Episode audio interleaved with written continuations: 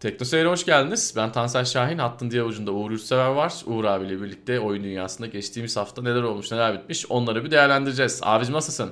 İyiyim Tansel seni sormalı. İyidir abi bende yaramaz bir şey yok. Karantina altındayız. Evde yine yaşamaya, çalışmaya, hayatta kalmaya devam ediyoruz. Evet çok gerekmedikçe evden dışarı çıkmıyoruz mecbur kalmadıkça. Evet siz de bu konuya mümkün olduğunca lütfen özen gösterin diyelim ve buradan e, gündeme geçelim ama gündemden önce geçen hafta sormadığımız bir anket vardı. Yine Uğur abi ninja olarak girip eklemiş. Soru yine evet. şaşırtmadı. Yine Bannerlord. Yine Bannerlord'u sormuşuz abi.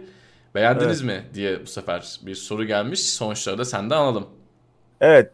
İzleyicimizin %29'u beğenmiş görünüyor. %22'si ise henüz daha erken daha çok yolu var demiş. %49'u ise izleyicilerimizin daha oynamamışlar. Yani oynayanların sayısı artmış görünüyor geçtiğimiz haftalara oranla. Bu çünkü ilk anketimiz değil biliyorsunuz. Sürekli Bannerlord alakalı anketler yapıyoruz. Hı hı. Ee, iz, oynayanların sayısı artmış. Beğenenlerin sayısı da oynayanlar arasında yüksek görünüyor. Evet. Yani şu an erken erişimde oyunun ciddi problemleri de var tabii. Onları geçen hafta konuşmuştuk. Bu aradan geçen süre zarfında yeni problemler de çıkmış görünüyor. İşte oynayanların hı Bazılarının kayıt dosyaları silinme durumu olmuş. Bir erken erişim, erken erişim evet. bunun için var. Doğru. Ee, umalım ki bu süreç kısa sürsün ve oyun bir an önce daha hazır hale gelsin. Şu an biraz yolu var gibi görünüyor benim de düşüncem. O yönde evet beğendim ama e, henüz çok hazır değil. Evet ilk maddeyle gündeme başlayalım. İlk maddede Sony'den iki tane haber var abi. Ee, bir PSN zammı ertelendi. Geçen haftada konuştuğumuz zam. ikinci olarak da PlayStation 5'in kontrolcüsü görücüye çıktı.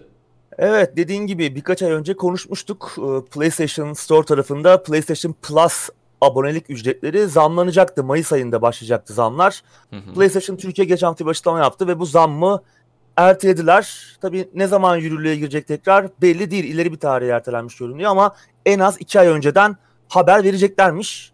Güzel bir haber tabii. Hatırlarsan yine birkaç hafta önce indirim konusu vardı. Dünya çapında başlayan PlayStation, Store indirimleri Türkiye'de başlamamıştı. İnsanlar haklı olarak tepki göstermişlerdi bu duruma. Hani evde kaldık. E, bu zor günlerde en azından bir indirim olsaydı da e, oyun alıp zaman geçirebilseydik diyorlardı. Ki haklılardı. PlayStation Store Türkiye bir PlayStation Türkiye bir açıklama yapmıştı ama çok da e, bir şey anlamamıştık açıklamadan. Neyse ki geçen hafta bahar indirimleri Türkiye'de de başladı. Üzerine de bu haber geldi. E, Plus ücretlerinin zammını ertelediler. E, güzel tabii umarım insanların gönlünü almışlardır biraz. Tabii e, daha çok çalışmaları lazım. Xbox tarafında hem fiyat konusunda daha agresif Xbox cephesi hem de içeriğin doluluğu, zenginliği anlamında daha iyi durumdalar. Rekabetin biraz daha kızışması lazım. Herkesin çıkarını olur diye düşünüyorum. Bakalım. Evet. Sony tabii PSN tarafında biraz daha tok. Yani sırtını ekskluzif oyunlara yasladığından dolayı insanların PSN'den çok bir beklentileri yok. Ya zaten yok. PSN'den gelecek bedava oyunlardan iyi bir oyun gelsin beklentisi biter herhalde yıllar olmuştur. Doğru. Gold'da da çünkü güzel oyunlar gelmiyor işin aslı. Xbox Live Gold'da da güzel oyunlar gelmiyor ama zammın ertelenmesi güzel olmuş. Geçen haftalarda senin de söylediğin gibi biz de konuşmuştuk zaten çok büyük tepki toplamışlardı. E, bu indirim olaylarından dolayı. Önce indirimler geldi. Şimdi de zamları ertelediler. Yavaş yavaş insanların gönüllerini almışlardır. Yeni evet. nesilde Xbox'a kaymayı düşünen Türk oyuncular vardı. Hemen onların akılları tekrardan PlayStation 5'e doğru kaymıştır diye düşünüyorum. Şimdi buradan da yine Sony'nin ikinci haberine geçelim. DualSense. DualShock 5 değil abi. Evet. Göreceği çıktı. Yine taksit taksit gösteriyorlar. Konsolu evet. daha göremedik neye benziyor PlayStation 5. Hı Onu da önümüzdeki aylarda göreceğiz umarım. Kontrolcüyü çıkardılar. Ve siyah beyaz ikili bir e, renk kullanmışlar. Bana biraz ilk bakışta klasik şey vardır ya mafya ayakkabıları. E, bana biraz onu anımsattı. Tabii internette inanılmaz e, işte şakalar, komiklikler döndü. Evet. E, ama onun dışında bilmiyorum ne düşünüyorsun ama ben tipini beğendim ya. Yani hoşuma gitti. Yani özellikle biraz daha büyümüş olması kontrolcünün daha tombul, tok e, görünüme sahip olması. İşte DualShock 4'ün klasik veya işte DualShock'ların klasik o bisiklet gidonu e, tasarımından uzaklaşıp biraz daha böyle ele oturan e, daha tombul bir yapı kazanmış olması hoşuma gitti. Sen ne düşünüyorsun bilmiyorum ama. Ben de tam e, senin gibi düşünüyorum. Şimdi önceki jenerasyondan bir örnek vereceğim yine. E, ben Bad Company 2'yi Xbox One'da oynadım. Battlefield 3'ü de PlayStation 3'te oynamıştım. Hadi bir farklılık yapayım dedim ama bu yani hayatımda yaptığım en e, saçma tercihlerden biri oldu. Xbox 360 gamepad'ine alıştıktan sonra PlayStation 3'ün o DualShock 3'te e, FPS oyunu oynamak bir de ekstradan zor gelmişti ve ben o yüzden DualShock DualShock'u pek sevemiyorum Xbox gamepad'ine alıştıktan sonra çünkü bana çok küçük çok küçük ufak geliyor. Tutması daha narin geliyor. Böyle biraz daha e, kavrama açısında alışkanlık da olduğu için tabii biraz daha zor geliyor. Şimdi tabii PlayStation Gamepad'i kullanan birisi için de Xbox'a geçtiği zaman ilk başta da onlar zorlanıyor tabii ki ama bu biraz daha benim istediğim seviyeye doğru gelmiş. Sen demin Gamepad'i gösterdin. Benim de şurada varmış göz ucuyla. Ben de şimdi gördüm. Yani ben böyle biraz daha e, kavramak, sert tutmak istiyorum. Biraz daha büyük olsun istiyorum. Dolayısıyla benim için biraz daha iyi oldu. Xbox Gamepad'ine benzetmişler gibi yorumlar geldi ama onlara da çok katılmıyorum. Xbox Gamepad'ine benzediği yok ama biraz daha büyüdüğü ve benim tasarımında o sevmediğim kısımların gittiği doğru. Ee, renkli evet. olmasıyla ilgili yine senin söylediği gibi internette birçok espri çıktı ama artık yani herkes Cem Yılmaz olduğu için e, çok fazla ciddiye alınacak, kale alınacak bir şey yok. Yani çok cins bir kaplamayla gelmediği sürece, elimizi yara etmediği sürece, aşırı kir tutmadığı sürece rengi, biçimi, dokusu falan benim için çok önemli değil. Tutuşu ya, çok önemli. Evet zaten farklı seçenekler olacaktır zaman içerisinde. Tabii tabii. E şeyin bile bir sürü var ya. Yani bugün e, tabii. DualShock 4'ün yani her rengi var. Çingene pembesi bile vardır yani. Var var. Ha, Kamuflajlısı var. var. Evet evet. Yok Call of Duty Edition, yok bilmem ne Edition. Xbox tarafında da var tabii bu arada. Var. Yok kamuflajlısı, yok mavisi, yeşili bilmem nesi. Ya bunlar zaten var ama e, Sony burada benim sevdiğim tarafa doğru bir hamle yapmış. PlayStation kullanıcılarını üzecek mi üzmeyecek mi bunları göreceğiz ama sizi bir değişiklik bekliyor abi. Sizi büyük bir evet, değişiklik evet. bekliyor. Xbox tarafı biraz daha bu konuda muhafazakar takıldı. Gamepad'de çok büyük değişiklikler yapmamayı tercih ettiler. Ben fakat e, şeyi yoktu. Evet, ben fakat şeyi pek sevmedim. Ee, gördüğüm kadarıyla tetik tuşları yine benim çok istediğim gibi olmamış. Yine DualShock 4'tekine biraz daha yakın gibi olmuş. Ben Xbox One'daki tetik tuşlarını hmm. biraz daha fazla seviyorum. Ee, yani o konuda yine biraz e, DualShock 4'teki gibi olmuş ama tutuşu itibariyle benim daha çok seveceğim bir gamepad olacak gibi. Evet tabi tetik tuşları dedin. E, tetik tuşunun tasarımı çok değişmemiş ama evet. güzel bir özellik var. Bunu hatta önceki aylarda açıklamışlardı. Seninle de uzun uzun konuşmuştuk. Hı hı. E, adaptif bir e, sertliği olacak. Yani duruma evet. göre sertliği değişebilecek. İşte atıyorum bir yay çekerken yayı çektikçe o gerginliği hissedebileceğiz veya farklı silahlarda farklı silah çeşitlerinde farklı bir tetik sertlikleriyle karşılaşacağız. Veya bir araba yarışında, e, yarış oyununda işte farklı sertlikler belki gittiğimiz yüzeye göre veya işte e, onu hissedebileceğiz. E, bu güzel olmuş. O çok güzel bir onun, özellik. Onun Onu içinde yani... olma hissini e, arttıracak bir özellik. Bunu denemek için bunu sabırsızlanıyorum. Ben en güzel özellik bu sanırım. Aynı Bunun şekilde kesinlikle.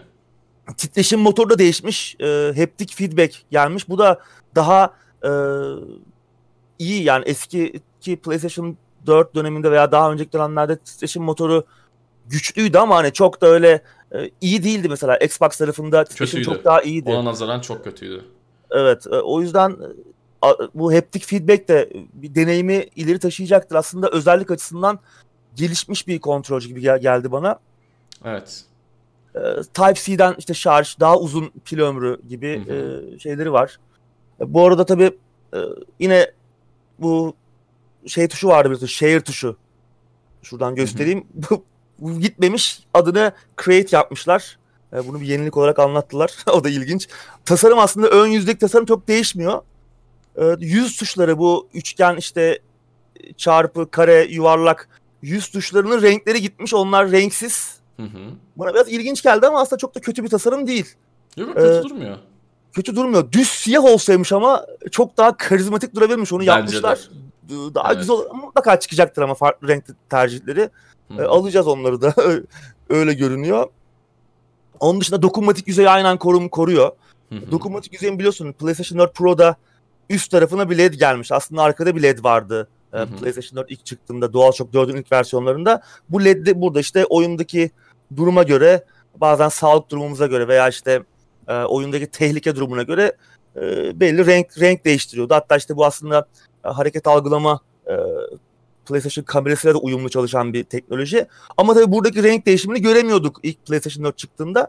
Pro ile öne ince bir led gelmişti. Bu ledi dokunmatik yüzeyin çevresine taşımışlar. İki yan tarafında oluyor. Ben daha güzel olmuş ama biraz pil ömrünü e, olumsuz etkileyecektir diye düşünüyorum. Evet. Onu Dokunmatik biraz yüzey ne diyorsun abi? Dokunmatik yüzey olmalı mıydı sence? Yani şu an kullandığın bir şey mi?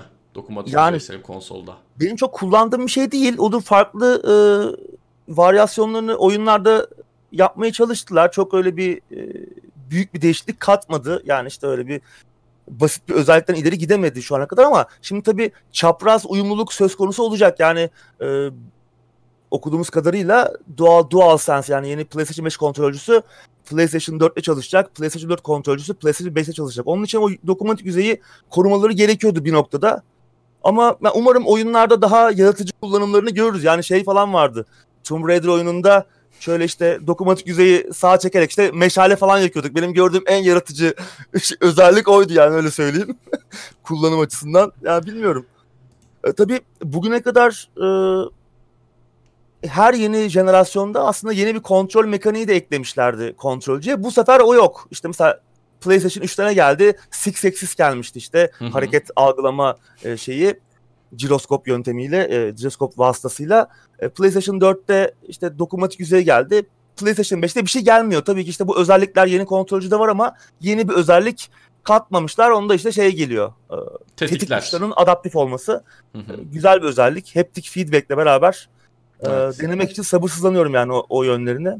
Evet. Bakalım mikrofon eklenmiş e, kontrolcüye. Tabii yine yani uzun süreli iletişim için daha kaliteli iletişim için yine bir e, mikrofon bağlamanız gerekiyor diyorlar. Yine ses girişi olacak. E, DualShock 4'teki gibi. Onun yanında yani genel olarak çalışan şeyleri bozmamışlar ve tasarımı daha rafine etmişler. Aslında ben de sana katılıyorum yani büyümesi benim de işime gelmiş. Çünkü ben hani aktif olarak Xbox kullanmıyor olsam da 360 döneminden bu yana e, PlayStation kontrolcüsü bana hep küçük gelmiştir. Yani hayvan gibi ellere sahip olduğum için de olabilir tabii ama yani e, çok konforlu bir deneyim sunmuyordu bana. Daha iyi olacak gibi, daha etli olması tabii evet. hani ben de gördüm e, Xbox'a benzemiş e, diyenleri. Yani aslında genel çizgi itibariyle yaklaşmış ama tabii yine işte paralel e, şeyler korunmuş. Evet. Ya zaten işte. hani, e, birbirine en çok ayrıştıran özellik o. Evet. Analogların bir tanesi sol üste çıksaydı o zaman farklı şeyler konuşurduk ama Sony öyle Doğru. bir şey yapmadan da yine tasarımı daha etli mutlu hale getirmeyi başarmış. Ben beğendim. Vallahi be- ben beğendim. De. Eğer o adaptif tetik olayına benzer bir olay e, Xbox cephesinde olmazsa yani PlayStation'cıları ben kıskanacağım. Onu çünkü evet. kullanmak istiyorum. Sniper kullanırken o tak tak vurmak istiyorum. Onu gerçekten bir deneyimlemek istiyorum. Tabii yani sağ kalırsak bunların hepsi sağ kalmak e, kondisyonuyla birlikte. Ya da Bakalım. ya da işte sağ kalırsa belki de konsollar ertelenecek. Onu evet, belki PlayStation yani. kalmayacak değil mi? Doğru. evet. Ya da ne bileyim işte Battlefield'da gireceksin karşıda adam yok. Yani bunlar da ihtimal dahili. Doğru. Evet bunları Bakalım. göreceğiz. Bakalım.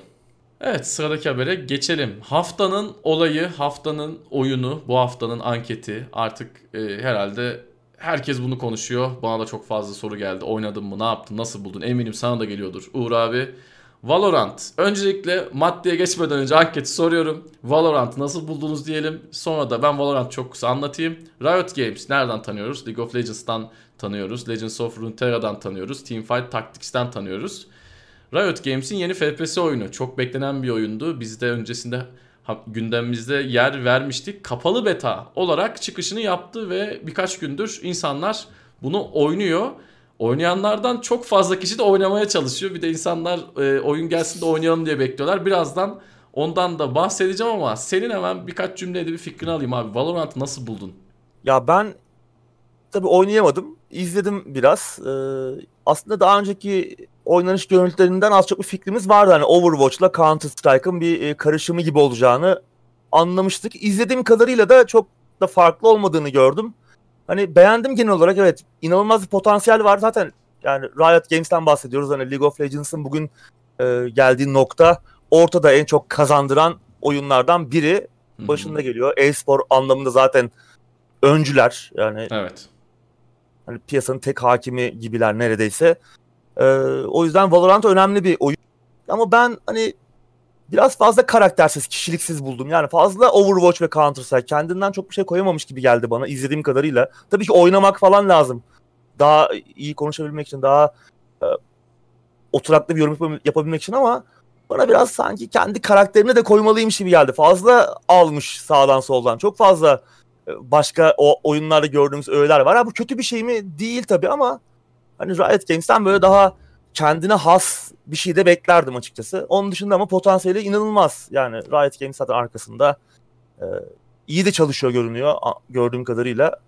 Bakacağız evet. süreç ne gösterecek yani tabii daha beta aşamasında, kapalı beta aşamasında zamanla daha da iyi olacaktır oyunculardan gelen e, feedbacklerle falan. Evet, Önemli olan senin fikirlerin. Sen e, e-sporu daha yakından takip ediyorsun. Bu tarz oyunları daha çok oynuyorsun benden daha çok oynuyorsun. Sen ne düşünüyorsun? Evet öncelikle şunu hemen söyleyeyim. Valorant şu an kapalı beta'da ama Riot bence ki ben Riot'un yaptığı işleri genelde beğeniyorum. Özellikle e-spor tarafında ve bunu gündemde sık sık dile getiriyorum ama kapalı beta işini bence e, çok yersiz bir yöntemle birlikte hype yanmaya çalışarak yürütmeye çalıştılar. Bunu da nasıl yaptılar birçoğunuz zaten biliyordur. Twitch'te belli başlı ünlü tanınan yayıncılara, influencerlara oyunu kapalı beta key'ini gönderdiler ve Twitch'te bir anlaşma yapıp dediler ki bu eğer yayını sen de izlersen kardeşim bir ihtimal sana drop düşecek. Bu dropta da işte Valorant'ın kapalı beta key olacak. Böylelikle adamlar ne yaptı? Son bir hafta boyunca Twitch'e damga vurdular. Twitch'te herkes Valorant oynuyor. Yayıncılar da haklı çünkü çok izleniyor. Adam başka bir şey oynadığı zaman 5000 izleniyorsa Valorant oynanınca 40 bin, 30 bin ne bileyim belki de 100 bin izleniyor. Çünkü insanlar drop düşsün biz de oynayalım, drop düşsün biz de oynayalım diye gündüz gece yayını açık bırakıyorlar. Şimdi Riot Games'in bunu yapmaya ihtiyacı yoktu bence. Yani Riot Games'in bu hamleyi yapmaya ihtiyacı yoktu ki geçen yıl çok klas bir hamle görmüştük. Nereden görmüştük? Respawn'dan, Electronic Arts'tan görmüştük. Çok klas bir hamleydi. Ona yakın bir şey de yapılabilirdi. Tamam kapalı beta yanmanız lazımdı. Bir şekilde insanların oynaması test etmesi lazımdı. Burada da ufaktan reklamını yanmanızı istiyoruz ama ne bileyim belki League of Legends'ı 5 yıldır oynayan adamlara key verebilirdiniz. Teamfight Tactics ilk çıktığından beri oynayan adamlara key verebiliriz. Başka bir şey yapabilirdiniz. Yani bence hype'ı bu aşamadan itibaren başlatmaya çalışmaları ben e, pek iyi bir hamle olduğunu düşünmüyorum. Çok yakıştıramadım. Buna ihtiyaçları yoktu. İşin özeti bu. Şimdi oyunu ben oynadım. Ben nasıl oynadım? Önce ondan bahsedeyim. Tabii ki yayın açıp drop düşsün diye beklemedim. Bizde o şans yok zaten. Riot'taki arkadaşıma yazdım. Benim lise arkadaşım. Riot'ta ya dedim ya sana dedim şu an çok kişi soruyordur ama dedim yani bana dedim bir key ayarla abi dedim. O da sağ olsun key ayarladı. Girdim oynadım. 7-8 maç attım. Oyuna ilk girdiğim zaman hiç sevmedim. Ya dedim bu ne her yerden bir duvar çıkıyor. Yeşil duvar, mavi duvar, sarı duvar. Sürekli farklı farklı şeyler var ve çok karışık geldi. Fakat oynadıkça, karakterlerin ne yaptığını anladıkça, karakterlerin skill'lerini bir oturup okuyunca yani bir yarım saat, bir saat ders çalıştıktan sonra oyunu aslında alışmanın çok kolay olduğunu öğrendim. Adamlar bu konuyu yine güzel yapmışlar. Zaten şu an itibariyle e, Hero değil de Agent diye geçiyordu yanlış hatırlamıyorsam. Evet. 8-9 tane var. Şu an kullanabileceğimiz karakter sayısı çok az. Çok az olduğu için alışmak çok kolay. Yani hepsinin zaten 3'er 4'er skill'i var. Onları rahat bir şekilde ezberleyebiliyoruz. Oynadıktan sonra e, şunu fark ettim. Maçlar çabuk bittiği için bir tane daha atayım, bir tane daha atayım. Yeni bir şey öğrendim, bir tane daha atayım. Farklı bir takım geldi, yeni bir tane daha atayım ve e, kendimi kaptırdım gidiyordum. Oyun gerçekten güzel olmuş. Ben oynadığım süre zarfında çok keyif aldım. Fakat arkadaşlarla bunu oynamak lazım. Yani öyle gireyim, başka bir takıma oynayayım olmuyor. Çünkü koordinasyonun çok üst düzeyde olması lazım. Haritalar çok küçük. Counter'a oranla çok hızlı bir yapısı var oyunun. Yani Valorant'ta iki maç e, atacağın süreyle Counter'da bir maç ya bitirirsin ya bitirmezsin ki Riot son yıllarda League of Legends tarafında da maçları hızlandırmaya yönelik bazı değişiklikler yapmış. Yani insanlar eskiden 40 dakika 50 dakika Dota, LoL falan oynuyorlardı. Şimdi 25 dakikada yarım porsiyona indirmişler oyunu anladığım kadarıyla. Oyunu hızlandırmışlar. Valorant'ta da bu durum söz konusu. Bu Counter'a bence attıkları en büyük gol. Çünkü Artık ben 28 yaşında 30 yaşında bir adamım. Bir buçuk saat counter maçı çekemiyorum. Bazen yoruluyorum. Zaman, bazen o kadar vaktim olmuyor. Evet zaman, zaman çok kıymetli. önemli. Evet burada Valorant'ın başına oturduğun zaman yani çok daha kısa sürede maç bitiyor ve çıkabiliyoruz. Onun dışında performans gayet iyi. Ee, yani ben oynarken keyif aldım.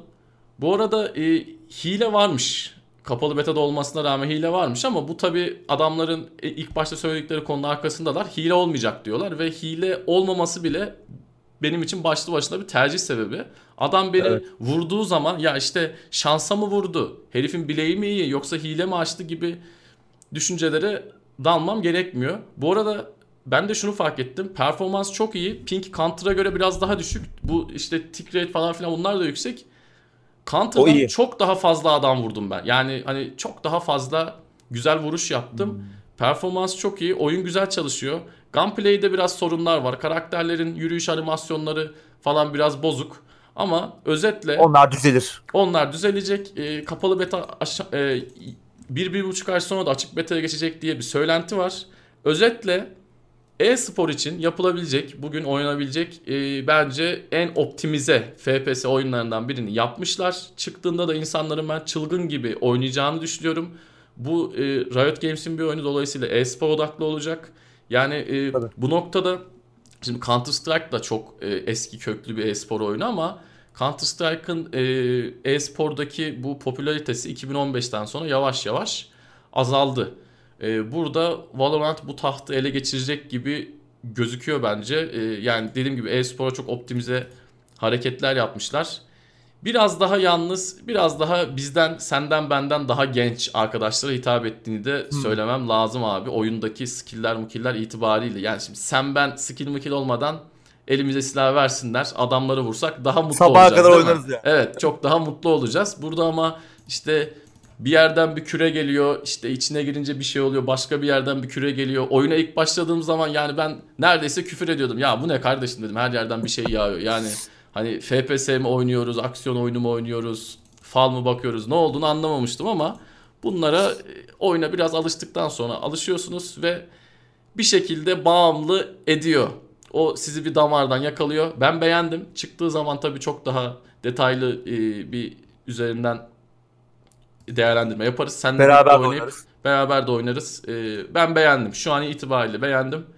Oyun e, e, e-sporu sallayacak gibi gözüküyor. Hadi bakalım. Evet. Evet. Güzel bir değerlendirme oldu. Çok kısa şöyle anlatmaya çalıştık. Sıradaki habere geçelim. Microsoft bir süre bütün dijital etkinliklerini dijital olarak yapacak. Yanlış okudum. Bütün etkinliklerini dijital olarak yapacak ama aslında doğru okumuşum. Bütün etkinlikler evet. dijital olacak. Çok da yanlış çok da yanlış olmadı yani. evet. Şimdi tabii salgını herkesi kötü etkiledi yani küçük ölçekli şirketler kadar dev şirketleri de e, ciddi anlamda etkiledi. Büyük bir belirsizlik var bütün sektörlerde. Microsoft da bundan nasibini aldı biliyorsun E3'ün ertelenmesiyle beraber orada planladıkları etkinliği dijital olarak yapacaklardı. Online bir etkinliğe dönüştüreceklerdi. Ama görünüşe bakılırsa bu plan sadece E3 dönemiyle sınırlı değil. Daha da uzun sürecek gibi görünüyor. Microsoft bir süre boyunca bütün etkinliklerini senin dediğin gibi dijital olarak yapacak. Ee, şirket içerisinde yöneticilere gönderilen bir e-posta bu sürenin Temmuz 2021'e kadar olduğunu gösteriyor ama yapılan basın açıklamasında kesin bir tarih belirtmemişler ama e, bu dijital etkinlik stratejisinin en azından bu yıl boyunca yani 2020 boyunca süreceği kesin görünüyor. Tabii iki, Temmuz 2021'e kadar uzarsa e, önümüzdeki E3 ve GDC gibi etkinliklerde bundan nasibini alabilir.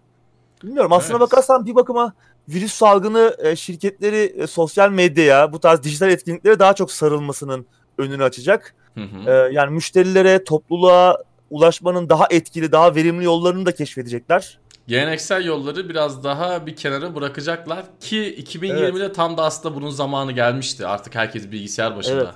Herkes telefon Hep konuşuyorduk. başında.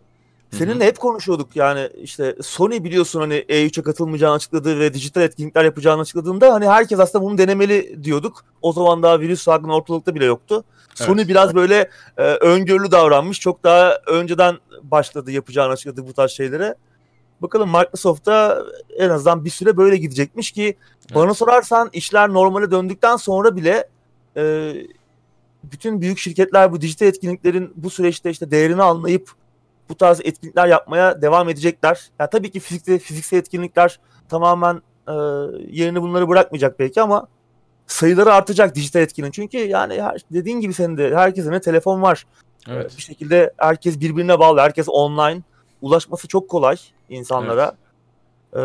Ee, hem de daha az maliyetli. Yani orada işte büyük sahneler kiralayıp devasa etkinlikler düzenlemek, orayı insanla doldurmak, birçoğu paralı insan tutup işte alkışlatıp işte çığlık attırmak falan. Bunlar tabii maliyetli işler.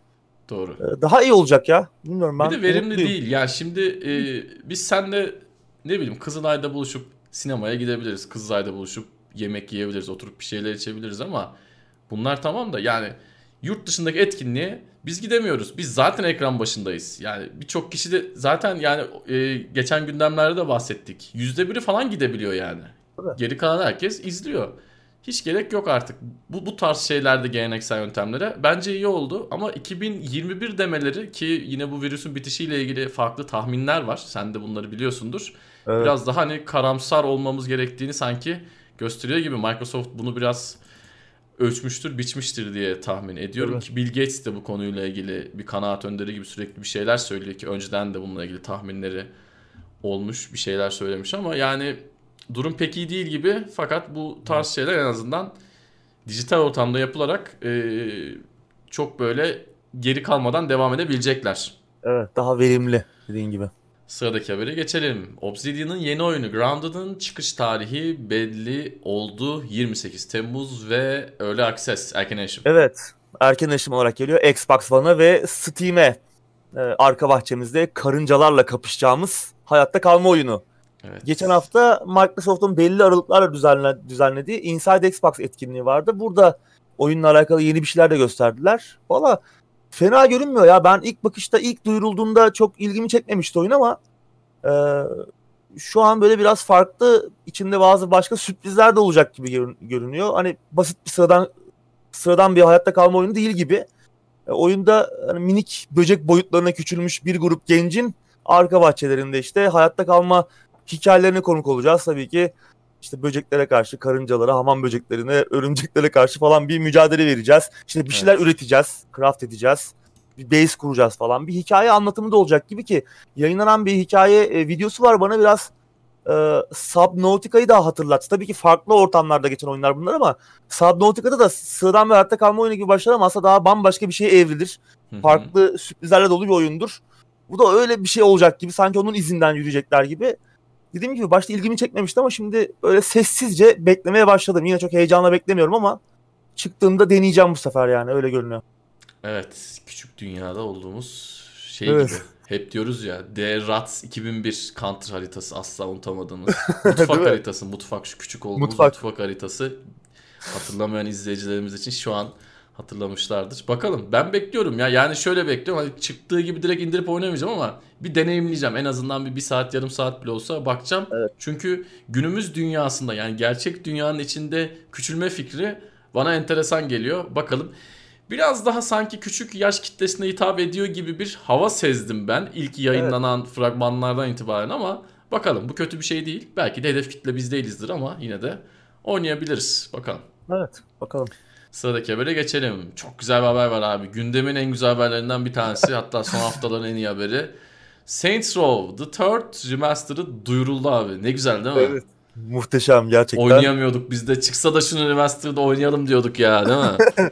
Hayatımızdaki en büyük eksikti. Buradan evet. teşekkür ediyoruz kendilerine. Evet, evet. Remaster modasına uydular. Yani da gerçekten remaster manyağı olduk. Gerek var mıydı? Değil mi? Dediğin gibi zaten şu an gayet, gayet oynanabilir bir oyun Saints Row the Third. Muhteşem bir oyun. Bence serinin en güzel oyunu. Bilmiyorum sen ne düşünüyorsun? Çok esprili, çok Ama güzel bir oyundu. Çok güzel bir oyundu. 22 Mayıs'ta remaster olarak geliyor. PC, PlayStation 4 ve Xbox One için. Bütün DLC'leriyle beraber geliyor full paket halinde. PC'de Epic Store'a özel olacak gibi görünüyor en azından ilk çıkışta. Ama fiyatı inanılmaz. 249 lira. Yani zaten halihazırda kaç senelik 6-7 senelik belki daha fazla bir oyunu 2013 e, galiba emin değilim ama. Öyle bir şeydi. Remaster edip bir de bu fiyatlardan satmaya çalışmak valla başarılar. Ya kafayı yemişler ya. Yani biz bu remaster olayına kızdıkça bununla ilgili gıcıklığımızı e, belli ettikçe adamlar sürekli oyun çıkartıyorlar. Evet. Bu hafta bir de Mafya 2, Mafya 3 söylentileri vardı. Evet, evet, evet. Ben ne oluyoruz onlar da dedim. gibi görünüyor. Valla onlar da gelecek gibi görünüyor. Bir de Saints Row the Third bilmiyorum yani hakikaten 2000, İnanılmaz. 2011'de çıkmış bu arada abi. 2011'de. 9 sene, 9 Steam'de sene ya. gözüküyor. Ama yine oynanabiliyor canım yani. Ben bu Tabii oyunu tabii. oynadım yakın zamanda. Yakın dedi 1-2 sene Oynadın olmuştur mı? da. Yani Yani- yeni e, jenerasyona da geldi zaten. Hani Evet, evet. PlayStation 3'e de geldi, işte 4'te de var. evet. Yeni, bu jenerasyonda da var yani mevcut jenerasyonda. Bilmiyorum ya. Yani remaster kelimesi itibarsızlaştırıldı biraz. Öyle. Yani Öyle her oyuna yapılmaya başlandı. evet hiçbir mantığı kalmadı. Bilmiyorum. Bakalım. Projenin arkasında Volition yokmuş zaten. Volition yani serinin yaratıcısı, geliştiricisi onlar yeni Saints Row oyunu üzerinde çalışıyorlar. Bunu Sperasoft adında bir firma yapıyor. Ee, oyuna yeni ışıklandırma motoru entegre ediyorlarmış. İşte silahların ve e, araçların bir böyle yeniden Abi tasarlıyorlarmış. anlatmayalım ya boş ver vallahi Evet, anlatmayalım. Vallahi yani lütfen Yani bunlar hep laf yani laf. Evet, hani sözünü diye kesmiş bizi- gibi olmayayım da bunlar yani hakikaten boş iş. Evet. Ben sıradaki habere geçiyorum. Witcher 3'ün satışları 30 milyona dayandı abi. Bir yandan da Witcher 3 geliyor böyle. Evet. Geçen hafta CD Projekt Red'in son mali yıl raporu açıklandı ve bu rapora göre Witcher 3 piyasaya çıktığı Mayıs 2015'ten bu yana 28 milyon satışı devirmiş. Müthiş Evet. bir başarı bu. Tabii dizinin yayınlanması oyun satışlarını geçen yıl 2019'da önemli ölçüde arttırdı. Özellikle PC platformunda olan Kesinlikle. satışların neredeyse yarısı bu süreçte yapılmış. Evet bir de sık sık gelen indirimlerin olduğunu da hatırlatalım. Bizim Tabii. ülkemizde bile 20 liraya 30 liraya falan düşüyor. Yani 20 Evet. liraya 30 liraya Witcher 3 gibi bir oyun. Hatta 20 liraya 30 liraya yani 40 50 60 belki 100 saatinizi yiyebilecek hayatta herhangi bir şey yok yani. Yok. Doğru. Platformlara göre satışları söyleyeyim ben sana. PC platformunda 12 milyon, PlayStation 4'te 10.8, Xbox One'da 4.3. Biliyorsun Switch'e de geldi oyun geçen Hı hı. yıl. Orada da 700 bin satmış. İyi, fena değil Yine Switch. iyi yani yine iyi Switch içinde iyi. Evet. Valla iyi. Güzel. CD Projekt Red'i seviyoruz. Witcher'da bu başarıyı hak ediyor gerçekten. 30 milyon. Hak ediyor. Ama şimdi Hak şunu ediyor. da söylememiz lazım. Ee, biz sürekli Witcher 3'ün satış rakamlarından bahsediyoruz belli aralıklarla. Geçen sene de yanlış hatırlamıyorsam 25 milyon mu olmuştu? 20 milyon mu? Onun bir haberini yapmıştık. Evet. Yine de hani bu GTA'nın MTA'nın çok çok çok uzağında. Hani ya da ne Tabii. bileyim. Tabii. Belki bu Ama bu büyük tarz başların oyunlar- çok uzağında.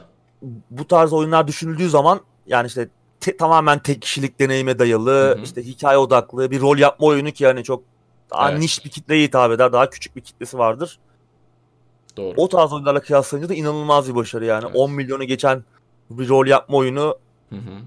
çok sık görülen bir şey değil. Evet. Ki Burada 30 milyondan bahsediyoruz yani. Evet. GTA'yı geçebilecek bir oyun e, çok yakın Yok anda yok. Ya, göremeyeceğiz. GTA'yı ben şey örneğinden dolayı verdim. Witcher'ı çok konuşuyoruz ya. Yani Witcher'ı sürekli konuşuyoruz. Artık bizde mi bir sıkıntı var? Yok biz, biz değil aslında. Herkes çok konuşuyor. Yani tüm dünya oyun basında çok konuşulan bir oyun. Ona rağmen 30 milyon bana biraz çok güzel bir başarı olmasına rağmen bu kadar konuşulmaya biraz az geliyor zaman zaman. Zaman zaman dizisi mizisi falan da göz önüne alındığı zaman zaman zaman geliyor. Bazen de çok geliyor işte. Umarım anlatabilmişimdir derdimi. evet ben anladım. Tamam. o zaman tamam abi. Bir kişi ikna ettiysek devam. Şimdi CD Projekt Red Cyberpunk 2077'nin ertelenmeyeceğinden hala emin. Evet şimdi bunu konuşmuştuk. Ertelenmeyecek diyorlardı. Ki Zaten hali, hali hazırda bir kere ertelendi oyun. Şu an Evet. çıkış tarihi 17 Eylül olarak görünüyor ve 17 Eylül'de piyasada olacak. Tabii şimdi aradan geçen e, süre zarfında bayağı büyük oyunlar ertelendi. Last of Us 2 ertelendi. Wasteland 3 ertelendi. Yani acaba Cyberpunk ertelenir mi gibi hala soru işaretleri var. Ama Polonyalı dostlarımız oyunun ertelenmeyecek konusunda bayağı ısrarcılar. Uzaktan çalışma konusunu çözmüşler. Tam gaz devam ediyorlarmış e, oyun geliştirmeye. Zaten büyük ölçüde tamamlanmış oyunun geliştirme süreci. Evet. Bakalım. Ya tam belki de bu karantina bitecek Eylül ayında. Yeniden kendimizi karantinaya alacağız. Cyberpunk çıkacak falan. Böyle biraz daha bizim için uzayacak belki süreç. Şu an Bakalım. ama bence kafayı duvarlara vuruyorlardır yani oyunu Evet. erteledikleri için. Yani şu an çıksaydı, şu an çıksaydı çok farklı şeyler olabilirdi. Şu an Çok. çıksaydı gerçekten hani e, kartlar yeniden dağıtılabilirdi evet. oyun camiasında ama yetiştiremediler. Bence bundan dolayı çok pişmanlardır. Bakalım. Ya kendini... mesela şu an Bannerlord'u konuşuyoruz. İşte evet. 20 yılında Steam'de en iyi çıkış yapmış oyun. Evet. Bunu biraz da aslında bu karantina sürecine bağlı. Tabii ki çok beklenen bir oyundu hem yurt içinde hem yurt dışında ama Hı-hı. bu rakamlara, bu sayılara ulaşması, bu başarıyı yakalaması biraz da insanların evde kaldığı bu sürecin bir sonucu. Evet. Biraz etkilemiştir yani. Kesinlikle birazdan fazla Cyberpunk'ı Cyberpunk'ı çok daha fazla etkiler. Cyberpunk'ı hayal edemiyorum. Yani çıksaydı, evet. ertelenmeseydi gerçekten enteresan olurdu. Sıradaki habere geçelim. Capcom daha fazla Resident Evil yeniden yapımı isteyip istemediğimizi soruyor. Ben bu arada söyleyeyim. Nemesis'i bekliyordum ama oynayamadım daha. Oyun elime geçmedi. Yakında alıp oynayacağım. Merak ediyorum Nemesis'i. Çıktığı gibi oynamayı planlıyordum ama olmadı bu sefer. Bakalım yakın zamanda şöyle bir oturuşta bitirmeye çalışacağım. Sen oynayabildin mi abi Nemesis? Zaten ben de oynayamadım henüz ama zaten gördüğümüz kadarıyla e, bir oturuşta bitirilebilecek kadar kısa bir oyun yapmışlar. Evet. Yani Hı-hı. orijinal oyundan birçok içeriği kesmişler görünüyor. Yani yorumlar hiç iyi değil. Gördüğüm kadarıyla yani e, hem takip ettiğim, e, düşüncesine değer verdiğim oyun eleştirmenlerinden hem de genel olarak kullanıcı yorumlarına baktığın zaman bunu görebiliyorsun. Yani Nemesis e, orijinal oyunda Resident Evil 3'te çok sevdiğimiz ikonik bazı mekanlar oyunda yok. Tamamen aksiyona çevirmişler oyunu. Yani Resident Evil 2'ye de çok fazla hani benzemiyormuş. Evet. Bu açıdan orada iyi yapılan, o remake'te iyi yapılan şeyler çok korunamamış gibi görünüyor. Ama hala merak ediyorum, oynamak istiyorum ama biraz da aslında satın almadığım için memnunum yani. Evet. Ee, işte bir so anket düzenlemişler. Asya pazarına yönelik bir anket ama hepimiz katılabiliyoruz. 31 Mayıs'a kadar devam edecek bu anket. Daha fazla remake istiyor muyuz Resident Evil'dan? Valla bence biraz durmaları Dursunlar. gerekiyor. Evet. Ki bu hafta e, Resident Evil 4 yeniden yapılıyor gibi söylentiler de çıktı. Yani umarım bunu yapmıyorlardır. Resident Evil 4 bugün hala oynanabilir bir oyun. Tam Kesinlikle. 15 yıllık bir oyun olsa da Kesinlikle. hala oynanabilir bir oyun ki o dönemin e, şartlarında e, farklı bir noktaya getirmişti zaten seriyi. Hem kamera Hı-hı. açısı hem oynanış anlamında. O oyunu bugün tekrar yapmaya çalışmak bütün o oyundaki tüm karşılaşmaları, tüm oynanış mekaniklerini yeniden ele almak anlamına geliyor ki bunu bugün çok çok başaramazlar. O oyun çok özel e, biricik bir oyun Resident bir Evil 4. Bence öyle kalsın hemen. yani. E, araya girdim sözünü kestim ama Resident Evil 4'ün remake'ini yapmak 2 ile 3'ünkini yanmaya benzemez. Resident Evil evet, 4 az... apayrı bir oyun. Yani evet. onun remake'inde e, çok fazla kişiyi tatmin etmeleri lazım. İnsanlar da çok zor tatmin olacaklardı. Çünkü o senin dediğin gibi biricik bir oyun dedin. Çok güzel senin. O gerçekten özel bir oyun. Evet. O yüzden e, umarım umarım yapmıyorlar. Umarım yapmazlar. Evet. Zaten önümüzdeki yıl e, yeni bir Resident Evil oyunu geleceği kesin gibi neredeyse. Evet. Resident FPS bir Resident Evil gelsin. FPS bir evet. Resident Evil gelsin. Biz de yolumuza devam edelim.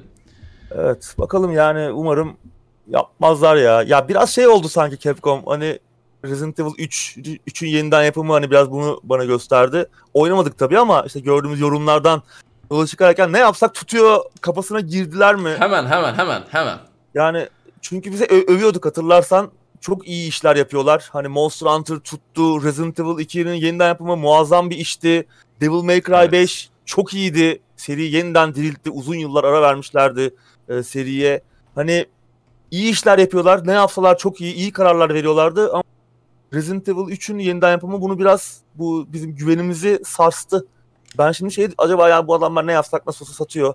Yine o eski kafaya mı büründüler? Resident Evil 5 6 e, zamanı girdikleri işte biraz aksiyon oyunu yapalım işte. Bu dönemin trendi bu. Bu satıyor falan deyip umarım ona girmemişlerdir. Umarım bir silkelenirler.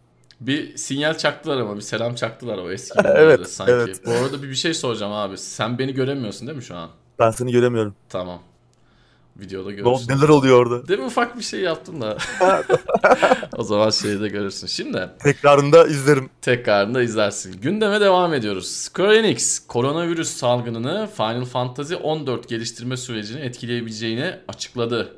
Evet şu an Final Fantasy 14 işlerin en yolunda gittiği en iyi MMO'lardan biri piyasadaki. Hı hı oyunu yeni ve kapsamlı içeriklerle zenginleştirmeye, büyütmeye de devam ediyor Square Enix sürekli. Ama görünüşe bakılırsa salgın süreci Final Fantasy 14'ü de vurmuş. Şu an özellikle Doğu Asya, Kuzey Amerika ve Avrupa'daki şehirlerdeki işte kapatma süreçleri, karantina süreçleri oyunun geliştirilmesinin işte ses kayıtlarıdır, e, yeni grafik esetlerinin üretimidir. Bu tarz konularda bayağı zor duruma düşürmüş, ciddi zorluklar e, getiriyormuş ki aynı şekilde Tokyo'da Tokyo ekipleri evden çalışmaya başlamışlar ama yine işte bu kalite kontrol ve prodüksiyon gibi konularda işleri bayağı yavaşlatıyormuş. Yani şu an kapasitelerin çok çok altındalarmış.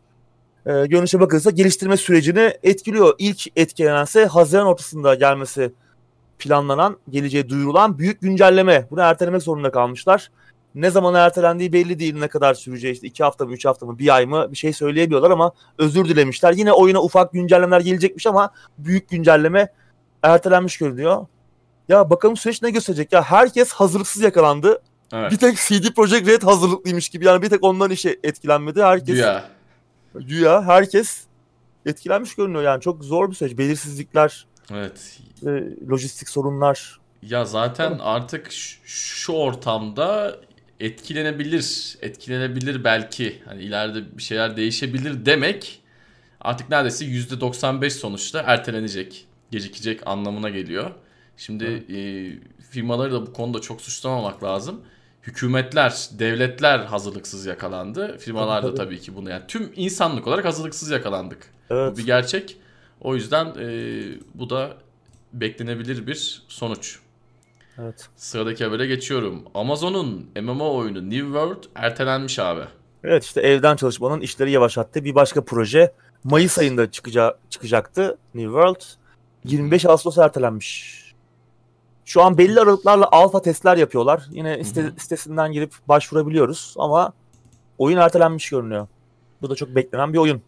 Evet ya MMO 2020 ikisi yan yana gelince biraz zor. Biraz zor ama Bakalım. tutacak mı? Çok güveniyorlar oyunlarına ama Amazon'da oyun endüstrisine adım atıyor e, güçlü bir şekilde. Ya ben biliyorum onların oyununa. Ee, neydi geçenlerde konuştuk The Grand Tour. Ha evet. Yani efsane bir oyun gerçekten. Ben e, verdiğim paraya bu kadar üzüldüğüm son yıllarda çok az oyun oldu yani. Böyle bir yarış oyunu inanılmaz. Ya Amazon logosunu gördüğümde artık sinirleniyorum o oyun yüzünden. Karşıma ne çıkacağını da iyi kötü biliyordum da "Ha- hadi bir bakayım bir deneyeyim falan filan dedim. Yok yani çok kötü. Bu tabii biraz daha ihtiraslı bir proje. Onda takvimin Evet. üzerinden yürüyorlardı. İsimden hallederiz işte oyun işte bir şey yaptık falan diyorlardı ama O olmadı. Bakalım ya bu da olacak? çok olacak bir şey değil de. Dediğin gibi 2020 ve MMO evet. çok pazar büyük değil. Evet yani Ultima 2, Ultima Online 2 falan gelecek de böyle bir bilmiyorum bakalım. Sıradaki habere geçiyorum. Ertelenen etkinlikler kervanına BlizzCon'da katılabilir. Haftaya haberini Evet. yapacağız ertelendi diyeceğiz abi değil mi? Evet evet. Şu an için bir iptal söz konusu değil ama en azından bir fiziksel etkinliğin yapılması gittikçe imkansızlaşıyor. Evet. Onlar da en kötü senaryoda işte farklı alternatifler arıyorlarmış. Belki bir online etkinlik yaparlar. Evet. Ya zaten son iki BlizzCon'u düşünürsek işte bir öncekinde Diablo Immortal fiyaskosu vardı. İşte geçen seneki BlizzCon'da işte Blizzchung davası işte bu Hong Kong protestoları falan damga vurdu. Doğru. İşte bu yılda milleti bir araya toplayıp insanlara virüs bulaştırırlarsa tam e, biterler. Pek iyi Evet. olmaz. Yani Evet, muhtemelen evet. ertelenecektir. Zaten işte kimin fiziksel etkinliğe ihtiyacı var ki hepimizin telefonları var. Diyorlar diye geçen tabii. sene telefonumuz yok mu diye işte Ya evet. Aynen. biz de BlizzCon'u istemiyoruz. Evet. Ya bir de bu söylediğim yanlış anlaşılmasın ama bugün günümüzde artık mikrofonlu bir kulaklık Türkiye'de bile yani 25 30 40 liraya bulunabiliyor. İyi kötü işini görecek. Zaten cep telefonlarındaki görüntülü veya sesli arama programları eminim bilgisayarda bizim kullandığımız artık Skype'ı, Discord'u falan kesin geçmiştir. Ondan hiç bahsetmiyorum. Çok o tarafı bilmediğim için ama yani günümüzde bu her şekilde yapılabilir ya. Yapılır Hani ya tabii. Yani çok çok zor değil. Muhtemelen öyle yapacaklar yani zaten. Evet. Online Yine etkinlik. Evet yine etkinliğe birini alacaksanız bağlayın abi Discord'dan ya. Yani bağlayın Discord'dan. En fazla ne yapacak? Girip yani videoya girip şeye fuck you mu diyecek. Onu diyecek adam zaten şeyde de der yani. BlizzCon'da sahneye çıkıp o zaman da der yani. Tabii Bu tabii işin ya. bir ehliyeti mehliyeti yok. Bence önümüzdeki günlerde bazı firmalar bu işi yine güzel bir etkinlik olayına çevirecekler. Senin benim gibi böyle bilgisayar başındaki başka ülkelerdeki, başka şehirlerdeki vatandaşları da işin içine dahil ederek böyle etkileşimli güzel bir şey yapacaklar ve o da e, bu işe biraz önce olacak. İlerleyen yıllarda da e, bunun etkisini göreceğiz gibi. Bakalım. Evet. Bir kişi bunu becerecek gibime geliyor ama. Evet gündemin son haberi. Disco Elysium senin oyunu abi. Nintendo Evet. Switch'e geliyor. evet benim için geçen yılın en iyi oyunuydu. Evet. Her fırsatta defalarca konuşuyoruz zaten. Hı hı. Switch için de duyuruldu. Güzel oldu. Switch'e yakışacak bir oyun. Hem tarz olarak hem işte e, oynanış itibariyle. Henüz bir tarihi yok ama PlayStation 4 ve Xbox'a da geleceği duyurulmuştu. Onların da ne zaman geleceği belli değil ama Hı hı. en azından yapıldığını biliyoruz. Yakında haberler gelmeye başlar. Güzel haber. Uzun yola çıkıyorsanız diyeceğim de artık kimse çıkamıyor. evet. Aslında bir şey Evet. değil mi? Bu olay e, koronavirüs olayı Switch'e pek yaramamış olabilir aslında. Switch mobilliğiyle Evet. öne çıkan bir konsol. En azından bizim için. Doğru. Ee, Şimdi evdeyiz. Şu an kimse mobil değil yani. Çok az Evet. kişi mobil. Evet Switch'in işine gelmemiş olabilir. Buradan da böyle bir muhteşem analiz yaptık. Şimdi checklistimize bakalım. Anketi yaptık mı abi? Yaptık. Valorant'ı Yaptık. soracağız. Maddeleri sunduk. Tamam. Evet. Bir şey yok Ağzına gibi. sağlık abi. Eksiğimiz Senin yok de. Evet. Gündemleri bu şekilde uzaktan yapıyoruz ama yine keyifli olduğunu düşünüyorum ben. Umarım izleyicilerimiz de beğeniyordur. Tabii e, uzakta olduğumuz için görüntü ve ses kalitesi stüdyoda bu arkada yaptığımız kadar güzel olmayabiliyor ama yine en azından devam edebiliyoruz. Bu da bir şeydir bence. Evet. İyi ben çok şey. keyif alıyorum yani. Ben de çok keyif alıyorum. Gayet iyi oluyor. Tekrardan ağzına sağlık abicim. Senin de. Evet haftaya tekrardan görüşmek dileğiyle. Hoşçakalın.